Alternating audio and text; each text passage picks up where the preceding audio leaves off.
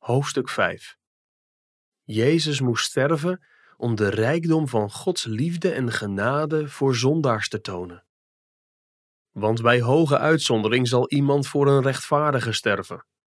Hoogstens immers heeft iemand de moed om voor de goede mens te sterven.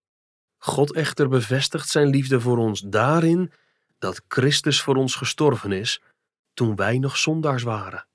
Romeinen 5, vers 7 en 8. Want zo lief heeft God de wereld gehad, dat Hij zijn enige geboren zoon gegeven heeft, opdat een ieder die in Hem gelooft niet verloren gaat, maar eeuwig leven heeft. Johannes 3, vers 16.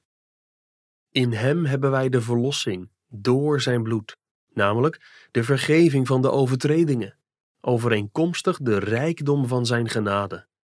Efeze 1, vers 7. Hoe lief God ons heeft, blijkt uit twee dingen. Het ene is de waarde van het offer dat Hij bracht om ons te redden van de straf voor onze zonde. Het andere is onze diepe onwaardigheid toen Hij ons redde. Hoe groot zijn offer was, klinkt door in de woorden dat Hij zijn enige geboren zoon gegeven heeft. Johannes 3, vers 16.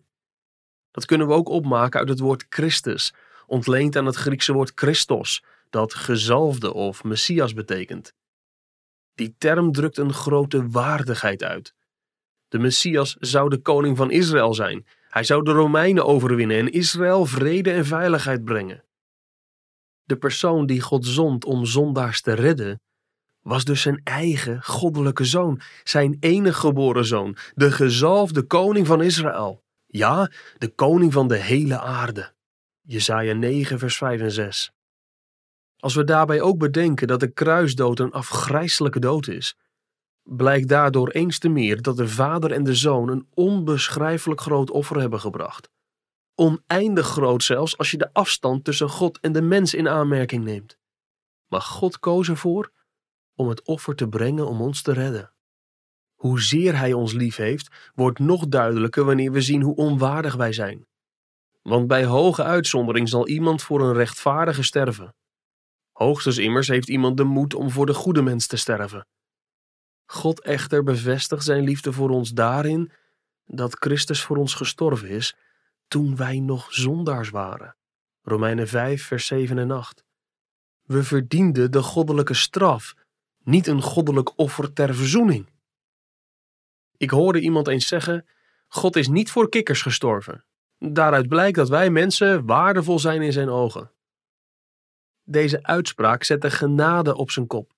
We zijn namelijk slechter dan kikkers. Kikkers hebben niet gezondigd. Die waren niet in opstand tegen God door hem verachtelijk te behandelen alsof hij van geen enkele betekenis is voor het leven.